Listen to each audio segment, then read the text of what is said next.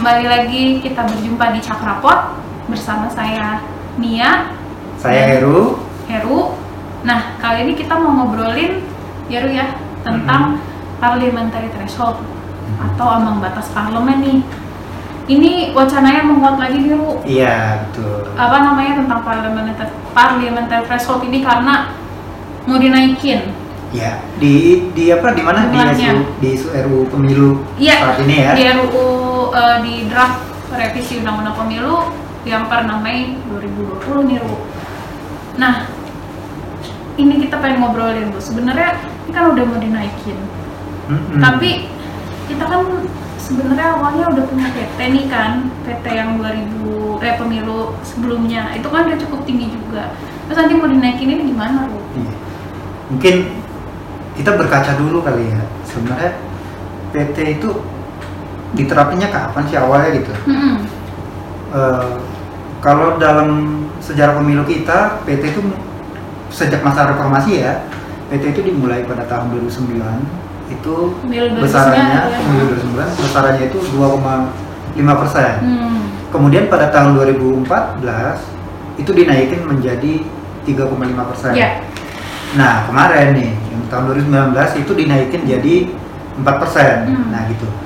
Eh, sekarang isunya mau dinaikin di angka 7 persen. Di draft undang-undang Di draft undang-undang pemilu ya. undang-undang pemilu per 6 6 Mei Mei. 2020. Nah berkaca dari sebelumnya dulu, maksudnya tahun 2000 apa 2004 2019 itu kan Hmm. 4 persen. Ya.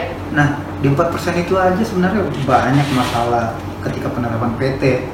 Hmm. 4% di apa di diberlakukan pada pemilu 2019. Mm-mm. Oke lah, pertama misalnya terkait dengan eh, suara hilang. Iya, berapa tuh Nah, suara yang hilang? di- Kalau di- PT 4% itu ya? PT 4% itu suara hilang itu kan otomatis partai yang tidak lolos itu kan perolehan suara itu hangus ya. Iya. Nah, kalau kalau dari data CWI itu Mm-mm. ada 13 juta 500-an Hmm. suara yang hilang. Itu kan gede banget ya. 13 juta 500-an suara yang hangus. Artinya Dari partai yang dari partai yang tidak lolos PT, parliamentary ah, yang 4% ya. Mhm. Gitu. Terus belum lagi nanti kalau dirinci lagi lebih jauh ya. Kita lihat ya dalam dalam apa dalam pemilu 2014 kemarin, eh 2019 Hmm. itu ada partai partai kecil menengah itu Hmm. kecenderungan untuk mau apa ya mencalonkan eh, calon perempuan itu lebih tinggi dibandingkan dengan partai-partai besar. Nah itu kan ada kayak misalnya contohnya Hmm. nih PKPI, Oke. PKPI itu 55% loh pencalon perempuannya itu kan di atas 50% Ya. tinggi loh Hmm. dan eh, Garuda, Hmm. Partai Garuda yang di yang di atas 40% itu plus Hanura juga. loh. Hanura itu di di atas 40%. Nah, kalau yang partai-partai besar kayak PDIP, Golkar, Gerindra itu di Hmm. bawah 40%. Dan itu sepertinya hanya karena ada tuntutan apa? Tuntutan eh, pencalonan minimal 30%. Iya. Makanya mereka di atas 30. Kalau nggak ada itu mungkin bisa di bawah. kalau nggak salah mereka kalau diurutin yang tiga terbawah juga ya partai-partai besar. Iya ya. untuk pencalonan ya, untuk pencalonan ya. perempuan. Oke. Nah, oke kita kita lihat siklusnya. Pertama itu kan Hmm. dari pencalonan partai-partai kecil itu cenderung punya apa pencalonan perempuannya baik lebih baik dibandingkan Hmm. partai-partai besar.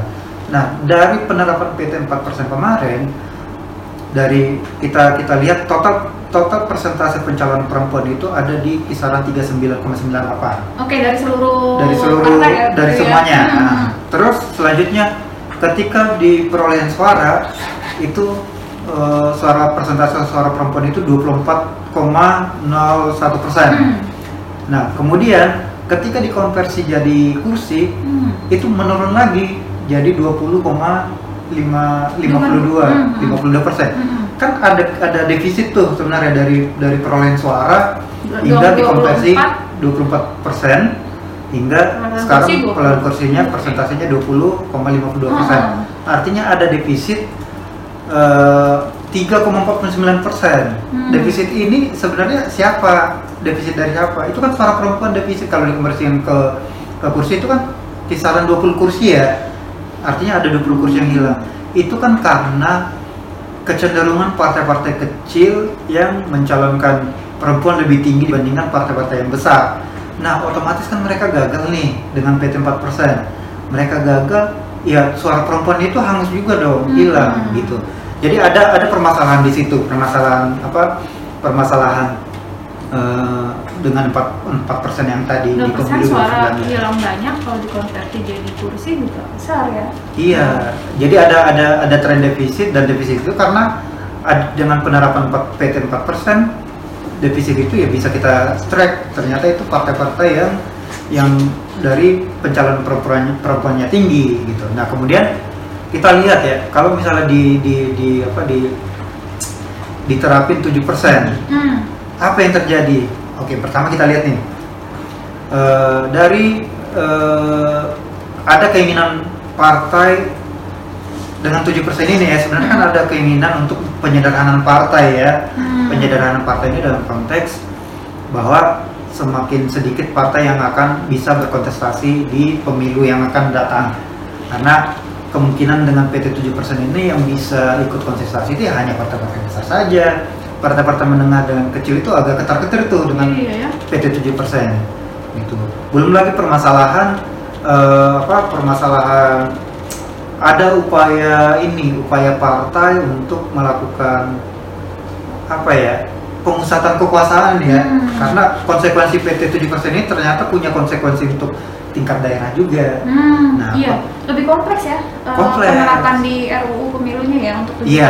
kan eh, ternyata dampaknya sampai ke daerah ya Ria. iya di ini terutama di RUU Draft pemilu yang yang sekarang ini ya yang sedang di dalam proses pembahasan ini ya Hmm. Nah, misalnya kita lihat ya, dengan PT 7% itu artinya akan semakin sedikit partai yang yang yang yang lolos dengan ambang apa eh, eh, ambang PT 7% tadi. Mm-mm. Terus selanjutnya PT dengan PT 7% tadi itu partai yang lolos partai yang lolos PT 7% di tingkat nasional itu Iya. itu mereka nanti yang akan mau menentukan pengalokasian kursi di tingkat daerah Hmm. untuk DPRD kabupaten kota dan DPRD DPRD provinsi gitu. Hmm. Artinya ada upaya untuk sentralisasi kekuasaan oleh partai. Nah, kita lihat kan partai kita sekarang ini kan seperti apa? Ya banyak bermasalah kan Iya, sebenarnya. basisnya bermas- masih bermasalah. Iya. Gimana ngambilin partai gitu dan. Eh, eh, terus mereka berupaya untuk memusatkan apa memusatkan eh, kontrol pemusatan kontrol kekuasaan itu dari pusat hingga ke tingkat daerah artinya setiap dalam eh, eh, partai yang acuannya adalah partai yang lolos PT 7% secara nasional Hmm. dia yang per- punya hak untuk meng- apa, mengalokasikan ikut mengalokasikan kursi pengalokasian kursi di tingkat provinsi dan eh, DPRD kabupaten kota dan ini berkonsekuensi juga nanti ke pencalonan kepala, Kepala daerah, daerah juga ya? karena kan otomatis dengan partai-partai yang yang lolos eh, PT 7% Mm-mm. secara nasional itu ya otomatis akan sama dong partainya ting- di tingkat apa di tingkat provinsi dan kabupaten kota dan mereka-mereka aja nanti yang yang mengajukan calon kepala daerah nggak ada calon yang apa calon calon yang dari partai-partai kecil itu udah otomatis nggak bisa gitu. Mm-mm. Nah, selain itu eh, konsekuensinya, konsekuensi yang lain dengan PT Hmm. 7% ini ya, kita bisa lihat bahwa semakin sempit ruang partisipasi di politik formal Hmm, gitu. Karena apa dengan 7% itu partai-partai kecil nggak punya peluang untuk menyampaikan apa menyampaikan aspirasi ikut serta dalam Untuk dalam kontestasi politik formalnya. Belum lagi kelompok-kelompok minoritas, kelompok perempuan, kelompok marginal lainnya itu nggak akan bisa tersampaikan aspirasinya dan nggak akan bisa ikut serta dalam kontestasi politik formal tadi itu kira-kira.